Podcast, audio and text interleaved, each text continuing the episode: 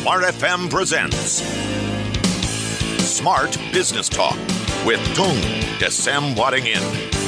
Smart Business Talk. Banyak orang menghadapi masalah ya, itu menganggap bahwa dunia sudah berakhir ya, world is the end begitu. Tetapi ternyata kalau untuk orang-orang yang cerdas, dia akan selalu melihat ada peluang di balik setiap masalah yang terjadi. Persoalannya bagaimana kita bisa sampai pada tahap bisa melihat peluang? Pagi hari ini kami mengajak Anda untuk membahasnya. Selamat pagi semua listener dan juga sahabat yang bergabung. Saya Ola Nurlija bersama-sama dengan Pak Tung ya dalam program Smart Business Talk dan kita sapa mbahnya dahsyat ya pagi hari ini. Selamat pagi Pak Tung. Selamat pagi yang dahsyat, Baula. Selamat pagi, smart listener seluruh jagat raya yang saya cintai. Yeay. Sehat ya Pak Tung? Sehat kuat penuh semangat. Terima Oke. kasih. Vaksin sudah ikut nih vaksin. Ya, Vaksin sudah ikut dong. ya, walaupun ceritanya jadi memang vaksin itu wajib lah teman-teman. Kalau ada kesempatan vaksin, ayo vaksin karena itu penting untuk menjaga imun kita. Walaupun Iya. kembali lagi kalau sudah kena sudah divaksin belum berarti anda langsung Bebas gitu ya. Enggak, Anda bisa tetap ketularan, Anda bisa OTG gitu ya. Bahkan ada dokter yang cerita alangkah baiknya kalau kena vaksin tidak usah cek serologinya. Menurut saya tidak pas. Kalau Oh. yang paling penting tetap cek serologi. Kalau sebetulnya ada yang divaksin itu orang tua dari ipar saya begitu ya. Jadi itu ternyata di vaksin dua kali masih nol gitu ya. Jadi dites serologi nol. Nah itu harus vaksin ketiga kali itu sebetulnya. Jadi ada yang sangat-sangat memang rendah sekali di vaksin. Jadi vaksin tidak selalu membuat Anda selamat karena bisa jadi itu tadi serologinya bisa nol. Dan ini kenyataan gitu ya. Karena memang efikasinya atau kalau berhasilannya kan memang belum tentu 100%. 100% ya. Oh, Ya, memang kalau divaksin secara umum itu kalau kena itu lebih aman. Tapi Anda bisa OTG loh. Ya, ya orang tanpa gejala ya. Lain-lain loh. Jadi tetap dan bisa loh masih ada virus yang tidak tahan untuk vaksin loh. Itu yang Ya, B117 itu segala jenis vaksin tidak mempan masih masih bisa kena itu. Jadi jadi please deh tetap hati-hati dulu sejauh ini hati-hati dulu lah gitu ya. Baik. Pak Tung eh, membahas topik kita bagaimana menjadikan masalah jadi peluang bisnis. Orang punya masalah aja udah sebel gitu. Bagaimana caranya untuk bisa melihat ini menjadi peluang bisnis gitu. Ini gimana sih eh, Pak Tung kok malah eh, mengajak kita ya menjadikan masalah jadi peluang. Apakah semua jenis masalah? Silakan Pak Tung. Jadi sebetulnya semua jenis masalah itu adalah peluang bisnis. Saya ulangi. Sebetulnya semua masalah itu adalah peluang bisnis. Contoh, kita punya masalah nih. Nggak pakai kacamata, nggak kelihatan misalnya. bisnis itu orang ini. Jadi bahkan yang namanya bisnis itu adalah menyelesaikan masalahnya orang lain. Ini ini ini pertama kali yang harus kita pahami bahwa contohnya misalnya Anda tidak bisa bangun rumah sendiri, berarti kontraktor laku ada Hmm. orang yang baca buku aja males, berarti bacain buku sudah merupakan satu peluang untuk Peluang, yang mau baca iya. buku lebih dahulu. Terus kemudian banyak orang mau buka bisnis takut, berarti Anda yang memotivasi Anda untuk buka bisnis laku. Tapi ada juga yang memotivasi orang untuk buka bisnis tidak ngajarin cara-caranya. Yang penting berani aja hajar bisnis itu ya harus berani. Ya akhirnya membuat banyak bisnis jadi kolaps. Nah, tapi ada juga yang oke sekarang misalnya Anda bisnis apa deh? Baju? Mhm.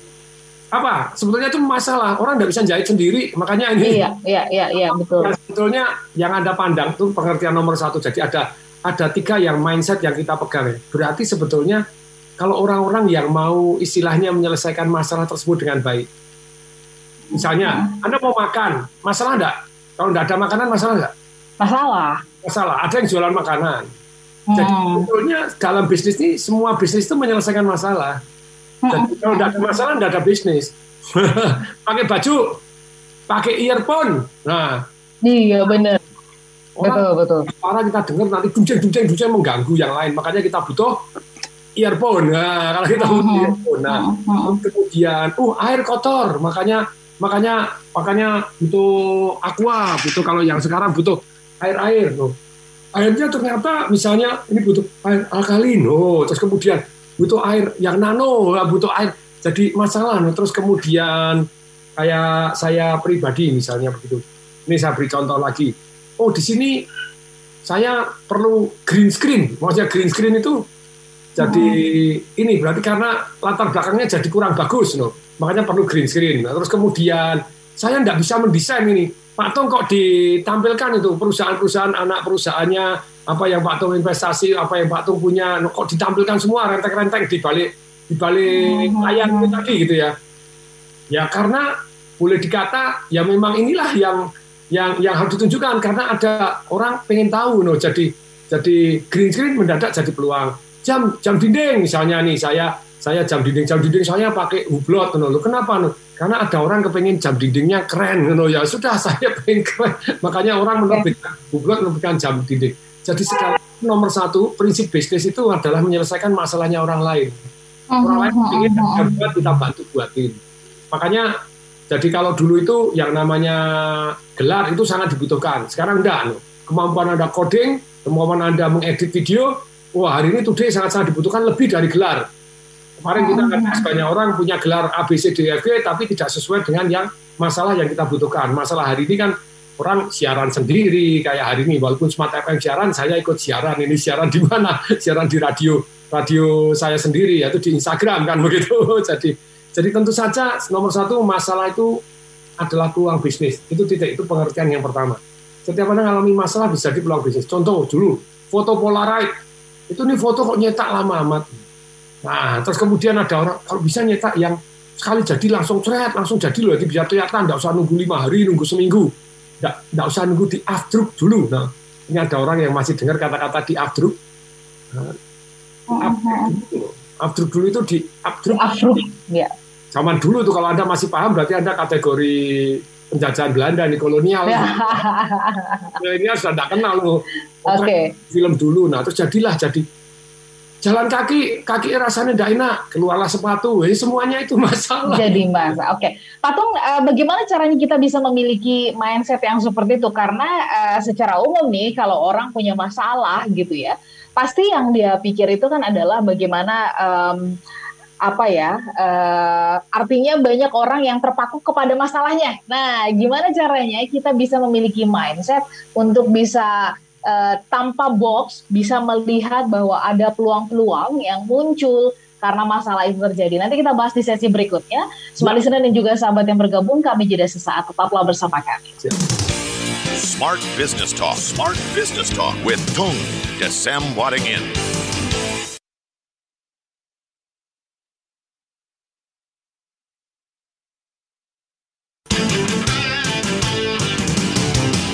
Smart Business Talk. Smart Business Talk with Tung Desem Wadingin. Profesional dan juga sahabat yang bergabung ya, eh, banyak yang membenturkan antara kerja keras dengan kerja cerdas. Padahal uh, sebelum sampai kedua hal tersebut itu merupakan gabungan kalau kita mau sukses begitu. Tetapi yang lebih penting itu adalah memiliki mindset yang melihat uh, selalu ada peluang. Sementara orang-orang yang pesimis ini selalu melihat bahwa ini masalah gitu ya. Kayaknya uh, dunia selesai gitu. Kayaknya ini berat banget. Nah, bagaimana caranya sih Pak Tung bisa memiliki atau menyuntikkan hal yang positif tadi kepada pemikiran kita gitu ya, bahwa uh, di setiap peluang-peluang itu itu ada sorry di setiap masalah itu ada peluang-peluang. Nah ini bagaimana caranya? Apa yang bisa patung tularkan kepada kami gitu ya, kepada pendengar supaya ketika masalah datang gitu kan, eh, itu bisa kemudian kita lihat atau kita jadikan sebagai sebuah peluang. Silakan Pak. Tuh.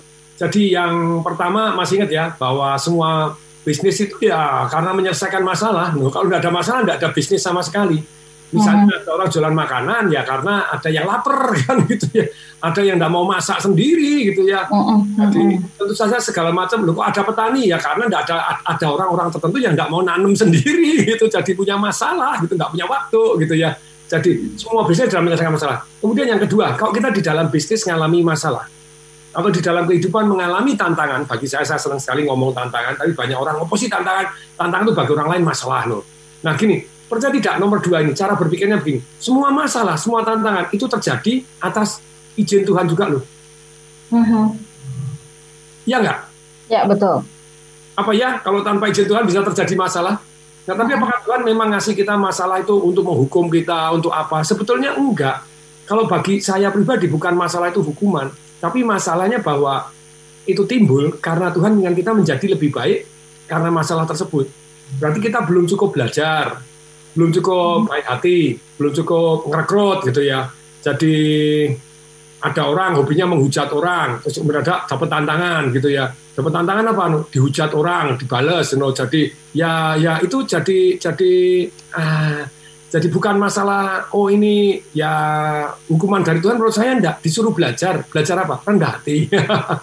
Uh-huh. gitu toh jadi apa pun yang terjadi dalam kehidupan ini sebetulnya atas kehendak Tuhan juga tuh kalau saya salah tolong beralat gitu ya nah, uh-huh. uh, jadi tentu saja Tuhan mengendaki kita menjadi lebih baik karena kejadian yang tidak baik tadi saya ulangi Nomor dua hmm. ini kita tahu bahwa semua ini terjadi karena Tuhan mengizinkan. Kalau tidak mengizinkan ya, ya mungkin karena perbuatan kita sendiri. Mengizinkan itu apa? Supaya kita untuk belajar. Jadi jangan untuk bersedih hati, jangan untuk merasain. Saya beri contoh. Anda lagi buka cabang, ternyata cabang Anda dikorupsi oleh karyawan Anda. Waduh, hmm. Anda nyalain Tuhan? Enggak toh. Anda sebenarnya diminta untuk belajar. Belajar untuk membuat apa? Untuk memilih orang dengan benar, untuk membuat sistem urut-urutan tata cara kerja, sedemikian sehingga besok yang kita inginkan terjadi lagi dan yang tidak kita inginkan tidak terjadi tidak lagi. terjadi ya, ya. Jadi bagaimana membuat bisnis jadi peluang? Jadi nomor dua adalah kita selalu membuat masalah jadi peluang bisnis. Membuat masalah jadi peluang gitu ya. jadi kita percaya bahwa yang terjadi ini apa pun terjadi Anda ditolak oleh lawan jenis dalam kehidupan toh Anda oh. kegemukan, no, no. Anda jadi apa pun yang terjadi itu sebetulnya adalah atas izin gitu ya. Atas izin, saya kalau tidak diizinkan tidak terjadi. Nah untuk itu yang nomor dua ini kita mempunyai pengertian bahwa Tuhan menginginkan kita menjadi lebih baik karena kejadian itu, bukan untuk menyerah. Loh, sampai memang disuruh minta, tidak usah deh, tidak usah dikerjain seperti itu lagi.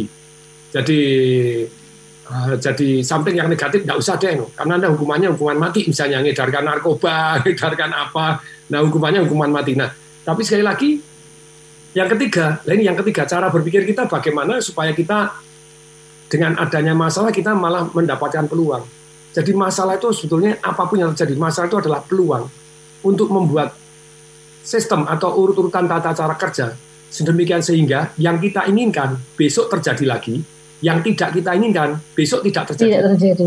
Jadi ada peluang. Kalau Anda cara berpikirnya begitu, bisnis Anda bisa banyak. No. Bisa banyak nih belakang hmm. bisnisnya bisa macam-macam gitu. Hmm. Jadi bahkan dulu harusnya ada satu lagi di sini misalnya. Mbak Ola, Smart FM. Nah, ya kan? Itu kan tahu lah. Harusnya dulu ada Smart FM ini, tapi Smart FM sudah diambil oleh Kompas dan Gramedia. Nah, tapi sekali lagi begini teman-teman. Jadi yang namanya tantangan dalam kehidupan itu atau masalah, masalah itu adalah peluang sekali lagi. Kalau Anda nomor tiga ini, Anda bis, Anda kalau saya ngasih Anda satu tips untuk mengelola bisnis, karena tips itu kan macam-macam. Anda bisa mengalami tantangan di HRD, tantangan di marketing, tantangan di produk, tantangan di di kontrolnya, tantangan di keuangannya, tantangan apa pun dalam kehidupan atau masalah apa pun akan ada. Nah, sebetulnya ketika Anda punya satu tips ini aja, bahwa yang terjadi itu, tantangan atau masalah tadi adalah peluang. Peluang itu apa? Untuk meningkatkan, untuk membuat sistem atau urutan tata cara kerja. Sistem dan urutan ya. tata, tata cara kerja begitu ya? Oke. Okay. Apa yang kita inginkan terjadi lagi, yang tidak kita inginkan tidak terjadi tidak lagi. Tidak terjadi, ya. ya. luar biasa. Saya beri contoh nih uh, anak perusahaan saya yang di atas conversion, oh mohon maaf ya, kalau di di, di Zoom tidak terbalik, tapi kalau di di, di, di layar IG saya jadi terbalik, betul ya? Gimana? Oh, saya lagi ini the conversion anak perusahaan saya. Itu dalam waktu 2018 itu sudah anjlok. Karena Pak begini kalau mau ternyata saya belajar kalau mau punya banyak bisnis ini harus ada jiwanya masing-masing. Orang-orang yang menjiwai mati hidup ada di sana. Kalau orang yang setengah doang banyak tidak jalannya. Lalu saya saya kok bisa punya banyak perusahaan ya karena banyak nutup perusahaan juga, banyak geletain perusahaan juga gitu ya. Nah, tapi dalam hal itu saya percaya bahwa saya belum berhasil, itu saya harus belajar. Dari saya belajar mulai saya tahu, oh butuh orang yang dahsyat luar biasa yang mempunyai yang punya peace, you know. jadi jadi karyawan itu punya passion, punya integritas dan punya skill di bidangnya, ataupun punya partner yang punya passion, integritas dan komitmen komitmen berada di dalam perusahaan tersebut setengah-setengah banyak tidak jadinya no. nah terus kemudian ketika saya mulai belajar eh Tapi setelah ada orang ini, dulu kan sempat turun anjlok gitu ya. Terus kemudian, eh kita cari orang-orang supaya komitmen bagaimana? Kita buat budaya kerja. Jadi budaya kerja itu apa sih? Kumpulan karakter. Kemudian kita buatin template-template. Begitu, aduh Pak, dulu marketingnya itu tergantung pada satu orang. Nah satu orang ini beliaunya sudah punya bisnis sendiri, punya kerjaan sendiri, jadi tidak konsen gitu ya. Nah, yeah. oh tidak bisa. Kita buatkan template.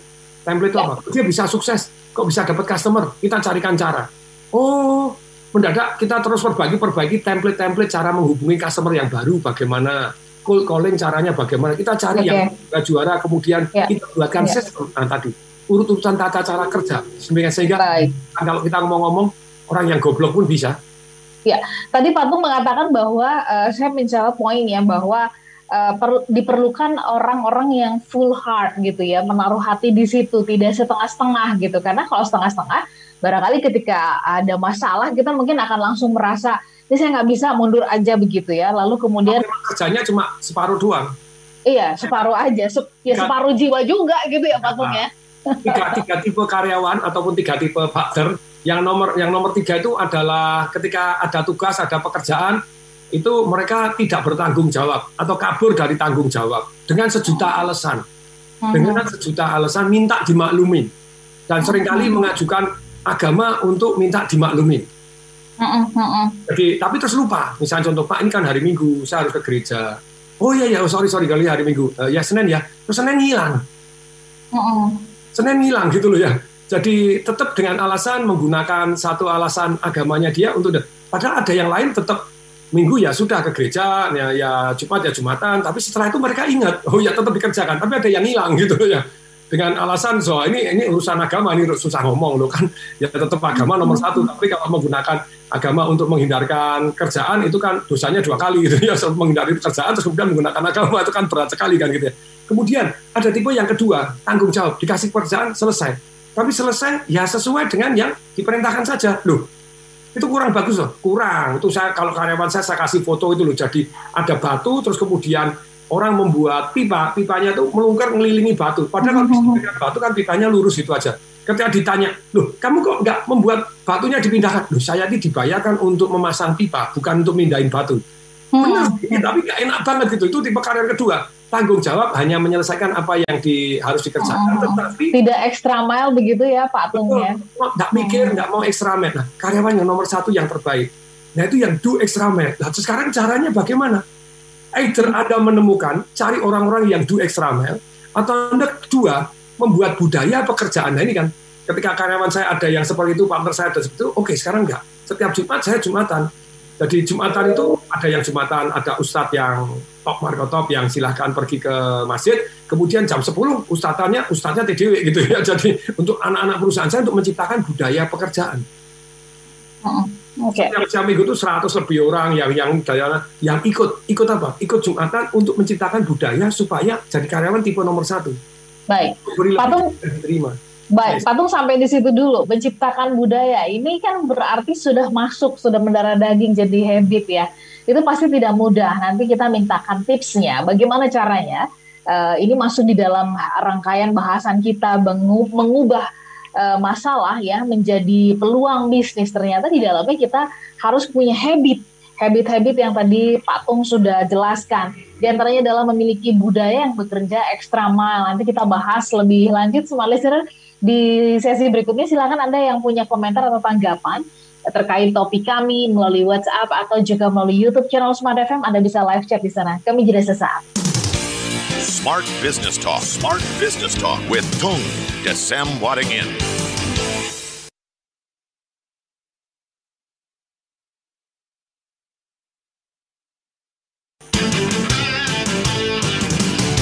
Smart Business Talk. Smart Business Talk with Tung Desem Wadingin. Malaysia dan juga sahabat yang bergabung, Anda yang sedang menyaksikan kami di YouTube. Salam sehat untuk Anda semuanya. Anda tengah menyaksikan Smart Business Talk. Kami membahas mengenai bagaimana menjadikan masalah jadi peluang. Saya juga sudah lempar pertanyaan. Menurut Anda benar nggak sih bahwa masalah itu benar-benar bisa dijadikan sebuah peluang bisnis? Anda bisa kasih pendapat ya di 0812 11 12 959 atau juga live chat di YouTube channel Smart FM. Patung kita sambung kembali ya. ya. Uh, baik. Uh, Smart Listener dan juga sahabat yang bergabung, kami mengajak Anda dan mengundang Anda memberikan komentar benar nggak sih bahwa masalah sebenarnya bisa kita jadikan sebuah peluang bisnis begitu, terutama di Indonesia. Banyak yang mengatakan Indonesia itu banyak masalah, jadi sebenarnya juga di Indonesia banyak peluang bisnis kalau begitu kan. Nah, tadi uh, Patung kan sudah uh, membahas atau mengajak kita membahas mengenai uh, budaya kerja. Ini menciptakan budaya kerja, terutama tadi Patung mengatakan uh, bagaimana kita membangun budaya kerja yang ekstra mile. Nah ini kan uh, kita perlu berguru ya sama Patung karena banyak mungkin pelaku-pelaku bisnis, pelaku UKM dan sebagainya yang mungkin geleng-geleng kepala. Aduh ini punya tim, punya uh, punya anak buah, kenapa belum apa-apa tuh hitung-hitungan kerja dan terpaku hanya bekerja sesuai dengan job desk saja begitu ya. Nah, kira-kira menurut Patung gimana sih gitu ya? Caranya untuk kita bisa memiliki budaya kerja yang ekstra mile tadi? Apakah dengan pemberian bonus yang besar begitu atau oh, seperti ya. apa? Silakan Pak Tuh. Jadi kalau kalau saya ada beberapa nomor satu yang terbaik dari budaya kerja adalah Anda memberi contoh. Jadi good people follow good management, bad people tidak tahan adanya good management dia akan keluar sendiri begitu ya.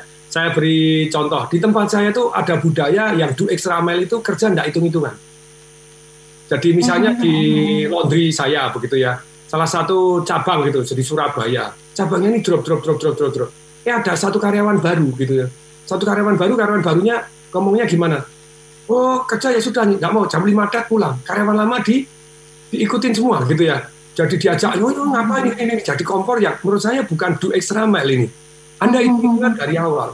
Itu hitungan dari awal itu bukan budaya di tempat saya Gaya tempat saya itu Anda sibuk istilahnya yang namanya itu membuat nilai tambah lebih dibanding orang yang lain. Dan di tempat saya ketika orang do extra mile, saya bagi dengan damainya kok. Salah satu dari anak perusahaan saya gini, Pak Tong yang bagi hasil paling banyak yang mana ini, yang the conversion ini.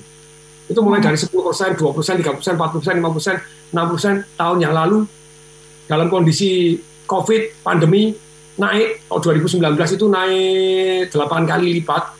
Pada waktu 2020 masih naik 50 kali lipat. Saya bagi hasil itu 70 persen. 70 persen. Dahsyat atau dahsyat banget? Dahsyat banget saya rela berbagi. Orang perusahaan sebulan cuma ketemu saya sekali. Tapi orangnya ini jadi sekali lagi ya bagaimana hmm, budaya kerja? Nomor satu adalah memberi contoh. Yang kedua harus diulangi harus diulangi diulangi supaya orang tahu dan pada waktu yang ulang itu apa? Bukan saya doang yang nyebut, tapi mereka saya minta untuk nyebut. Saya hmm. nyebut misalnya ini kalau di sini ada misalnya ini ada yang follow saya enggak nih MRI ini baru aja follow di Instagram.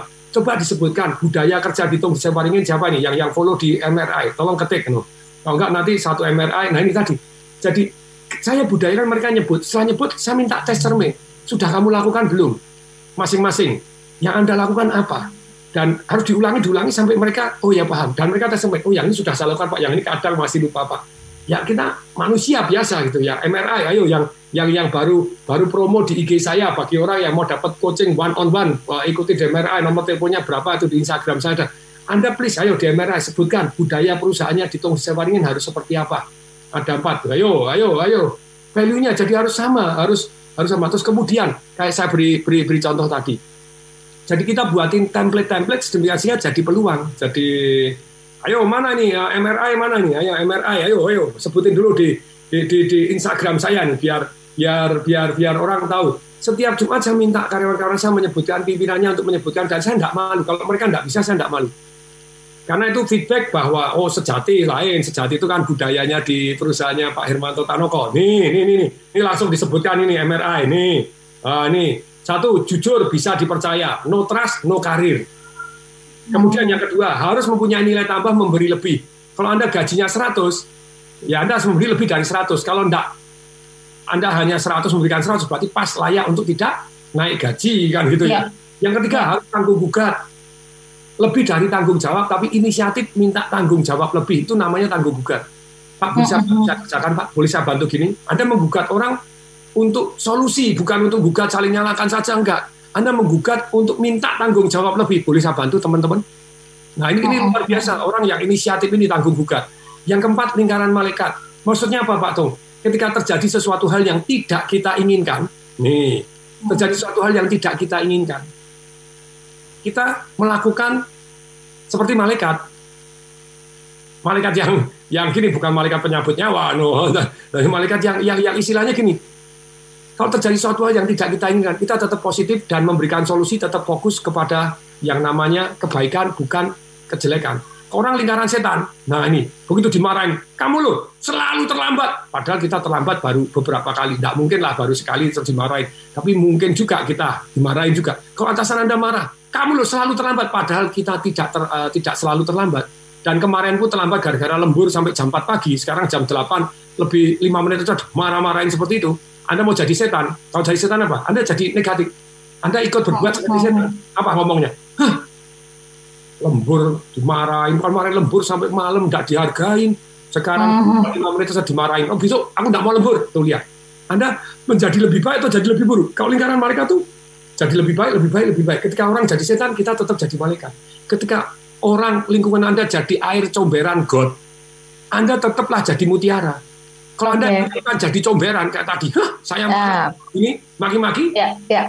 Anda kecemplung dalam kotak menipu diri sendiri, Anda merasa berhak untuk berbuat negatif karena orang lain negatif? Nah, itu dia. Itu sering kali eh, muncul kan Pak Tung ya seperti merasa punya hak untuk melakukan atau berbuat negatif karena orang lain negatif itu aja begitu gitu saya juga boleh dong gitu itu aja begitu saya juga bisa dong itu aja tidak melakukan pekerjaannya saya juga nggak apa-apa dong nggak melakukan pekerjaan ya uh, pilih kasih nih kalau saya nggak boleh melakukan kesalahan katanya seperti itu. Nah ini gimana tuh patung ya?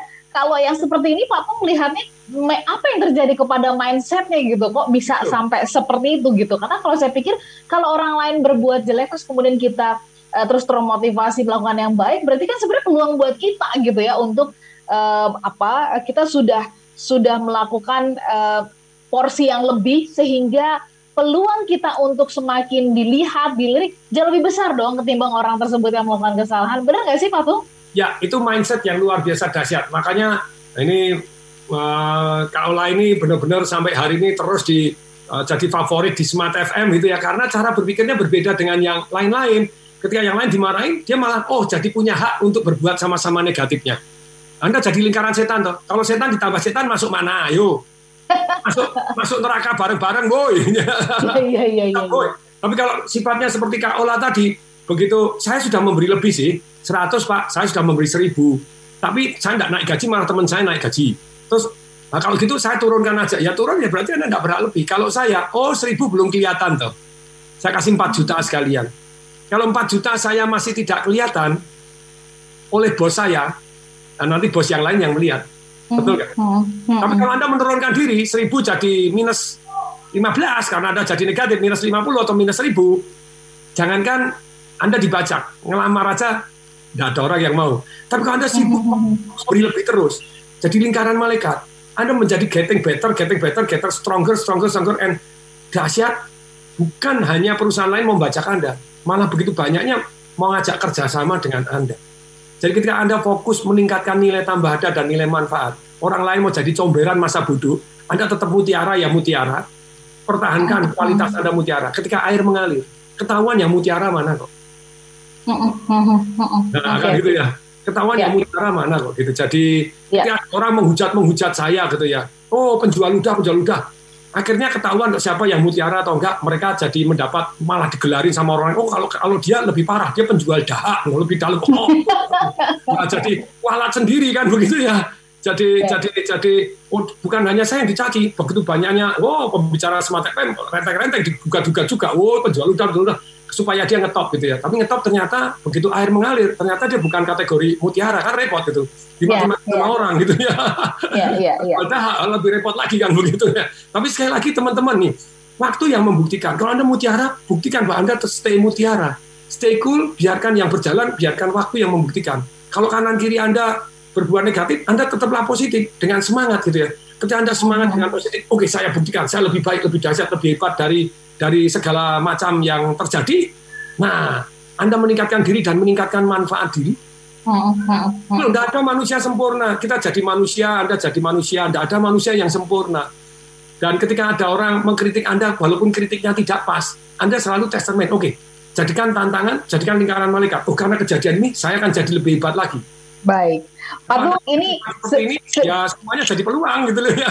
Seringkali ada banyak orang yang mengatakan gini, saya kalau dengerin Pak Tung tuh semangat gitu ya. Wah, kayaknya ide udah langsung muncul gitu ya. Eh, dan dan eh, termotivasi melihat segala eh, kondisi masalah itu jadi peluang bisnis. Tapi mulainya dari mana, Don? Dan bagaimana memulainya? Karena banyak orang merasa, aduh kok kayak tangan kaki tuh kayak kekunci kayak keikat gitu loh. Mulainya gimana sih Patung mengalahkan rasa enggan mengul, uh, me, apa namanya mengalahkan rasa malas mengalahkan rasa uh, ah nanti aja deh begitu. Nanti kita bahas di sesi berikutnya ya Pak Tung ya. Senang hati. Baik. Soal ini juga sahabat yang bergabung kami sampai di sesi yang terakhir. Bagaimana menjadikan masalah jadi peluang bisnis? Setiap orang dalam kehidupan kita dan setiap uh, kita gitu pasti mengalami dan bertemu yang namanya masalah. Tapi sekarang bagaimana respon kita melihat dan juga uh, mengelola masalah itu? Apakah kita jadikan itu sebagai neraka dunia terus kayaknya segala-galanya selesai begitu atau kita justru mengubahnya menjadi peluang bisnis? Kita sambung nanti untuk sesi yang terakhir. Smart Business Talk. Smart Business Talk with Tung Desem Wadingin.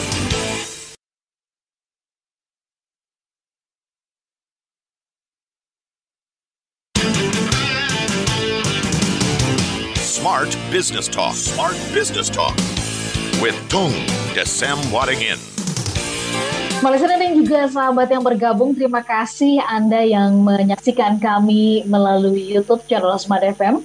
Selamat pagi untuk Anda semuanya yang ada di Makassar, Manado, Banjarmasin, Balikpapan. Selamat pagi pula untuk Anda yang ada di Palembang, Medan, dan juga Pekanbaru. Kemudian kami ingin menyapa Anda yang ada di Yogyakarta, Surabaya, kemudian Jakarta, Depok, Tangerang, Bekasi, dan kota-kota satelit di sekitarnya Jakarta. Terima kasih untuk Anda yang bergabung bersama dengan kami melalui YouTube channel Smart FM. Ya, saya ingin menyapa ada Pak Tomis Bobi, Pak Thomas Bobi maksud saya, Terima kasih Anda menyapa kami di YouTube. Kemudian saya ingin menyapa ada Groundhog Channel ya uh, yang mengatakan semoga hari ini kita bisa lebih baik tentunya dari hari kemarin. Yang puasa tetap semangat. Oke. Okay. Puasa nggak boleh jadi alasan terus tidak produktif begitu ya. Uh, kemudian ada Pak David Simbolon. Terima kasih Anda juga sudah bergabung bersama dengan kami. Oke, okay. Pak Tung kalau tadi saya sebelum jeda ini menanyakan ya banyak orang, oh iya, iya sih Pak Tung ya, begitu saya dengar semangatnya Pak Tung tuh termotivasi, pikirannya pokoknya udah bermimpi besar gitu. Tapi mulainya ini loh Pak Tung, kayaknya kok enggan banget, kayaknya berat banget, kaki, tangan tuh kayak keikat begitu. Nah apa yang mesti diperbaiki, apa yang mesti dilakukan supaya itu bisa terbongkar dan kita ayo mulai dan lakukan sesuatu begitu. Silakan Pak Tung. Caranya sangat sederhana, jadi Anda setting goal gitu ya. Goalnya itu terus kemudian dipotong kecil-kecil jadi actionable. Maksudnya actionable itu kalau Anda mau istilahnya makan gajah ya pertama kali cari dulu gajahnya di mana, harganya berapa, boleh ditembak enggak gitu ya. Terus nembaknya mau pakai apa atau membunuhnya mau pakai apa. Terus Anda nyimpen gajahnya di mana, terus dipotong kecil-kecil dimakan sendok per sendok. Jadi terus kemudian caranya bagaimana? Kalau Anda sudah memotong sendok per sendok dan Anda sudah mulai jadwal, berarti goal yang besar, kemudian alasannya harus sangat kuat. Ulangi ya, mm-hmm. goalnya harus SPTM, spesifik, positif, tertulis, dan menarik. SPTM. Spesifik, positif, tertulis, dan menarik. Menarik itu ada emosinya. Oh, oh, Dapat 200 juta, so what gitu loh. Tapi kalau oh saya dengan satu bulan 200 juta, saya bisa ngajak orang tua saya ONH plus yang 200 jutaan lebih gitu ya. Dan mumpung masih hidup. Nah itu alasan satu. Dan Anda bayangkan cara emosi mencium istilahnya pada waktu naik haji kemudian nah sampai anda orang tua anda menangis sampai keluar gini oh karena karena teman karena anak saya ini mau belajar dan take action ditolak terus tangguh terus. Nah itu sampai mengharukan. Saya jadi bisa naik haji gini saya tidak pernah bayangkan wah itu luar biasa. Goalnya jadi mm-hmm. menarik menarik ada emosinya. Jadi goalnya harus SPTM spesifik positif tertulis dan menarik. Kemudian anda harus punya alasan sangat kuat. Nomor satu goalnya SPTM yang kedua punya alasan sangat kuat. Why-nya apa? Jadi kalau why-nya not big enough biasanya kita santai-santai saja problemnya orang kenapa uh, bisnis yang modalnya kecil misalnya di multi level atau apa lebih banyak yang tidak berhasil. Kenapa? Karena modal yang ditaruh kecil. Kalau ditaruh besar, oh mati hidup dijalanin sama dia. Hmm. Saya beberapa kali berpartner ngasih orang saham. Oh ternyata fighting spiritnya enggak. Karena dikasih gratis nih. Tapi ada beberapa Oke. yang saya suruh bayar, no ya. Jadi artinya menurut Patung kadang-kadang yang gratis ini fighting spiritnya eh, tidak sebesar kalau dia eh, mengeluarkan gitu ya Patung? Oh ya, ada luar biasa. Mendadak dibajak oleh teman saya gitu ya. Itu jadi tantangan gitu ya. Uh, berarti di tempat saya kurang nih. Kurang apa? Kurang tertib, tertulis kan gitu ya. Dibajak, di sana disuruh bayar, disuruh begini, disuruh gini, eh mau. Loh, oh oke. jadi ter- wah, dan fighting spiritnya lebih tinggi karena mereka bayar.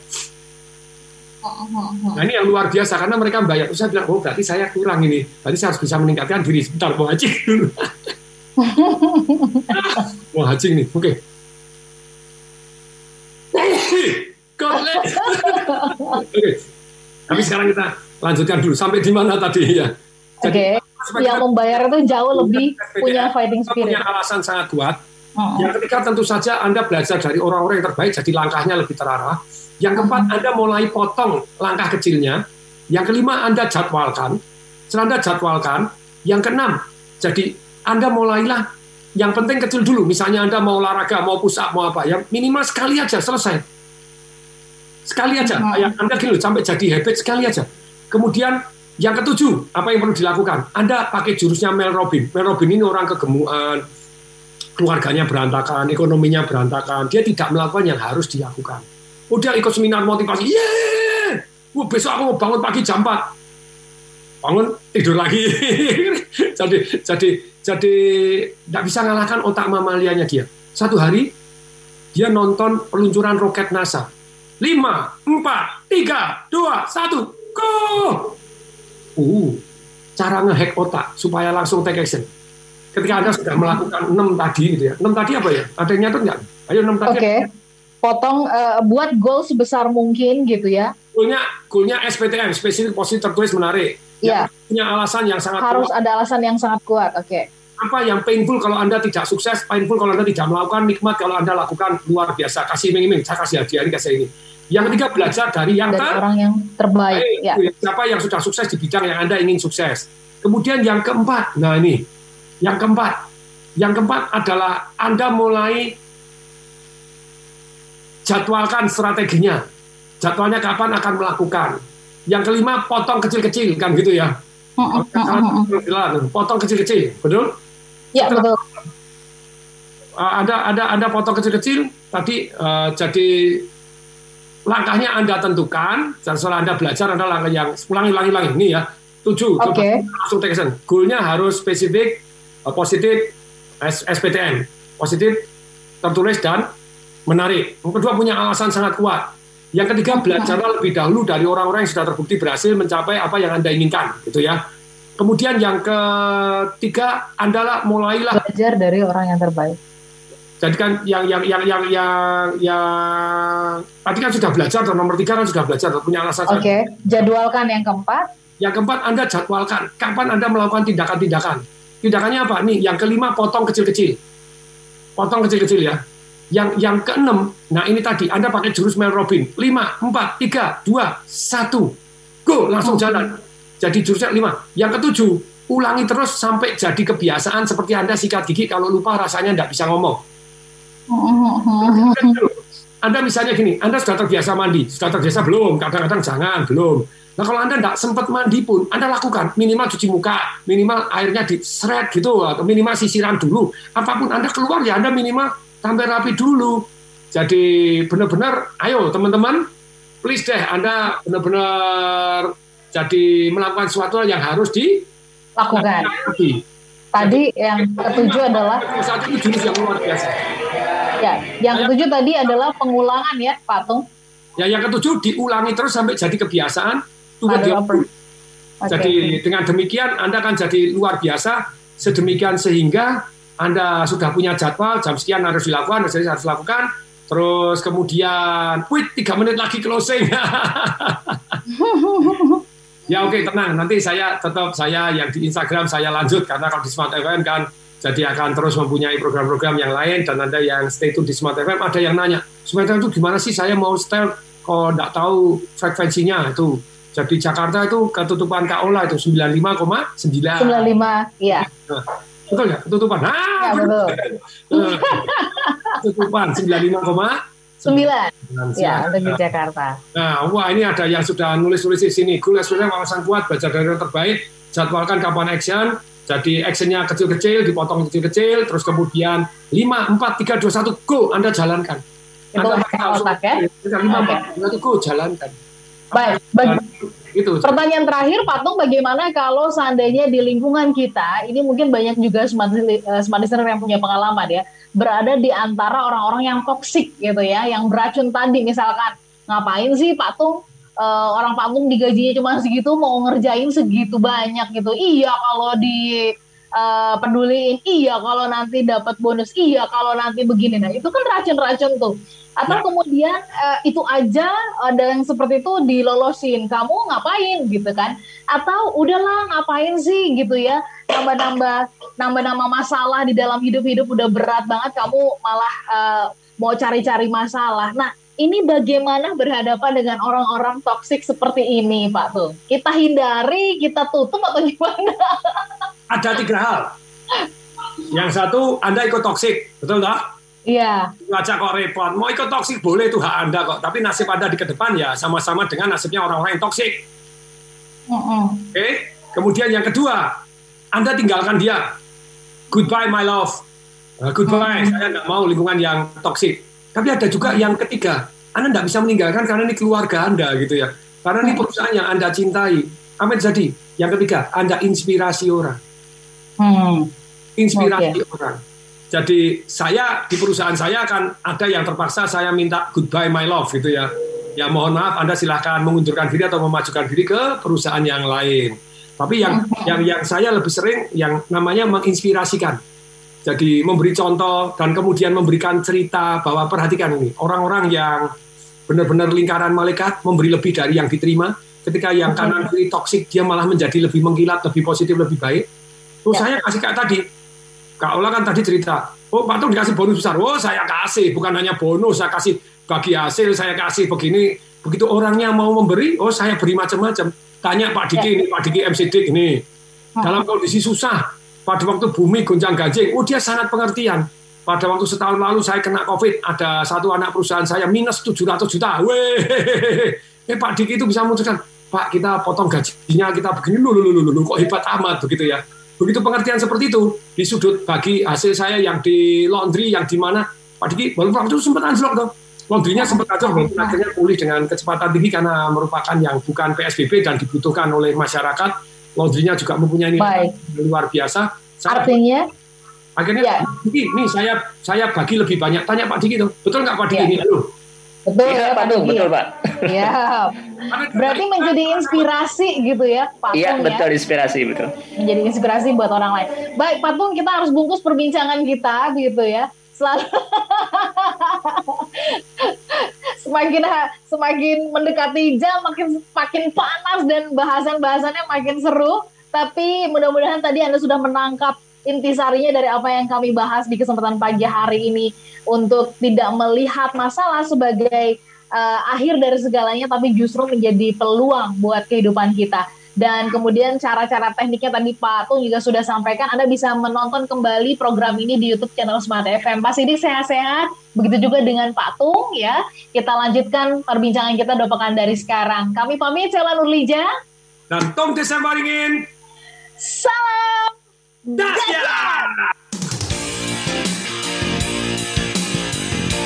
was Smart Business Talk with Tung Desem Wadding In. Brought to you by Smart FM Network.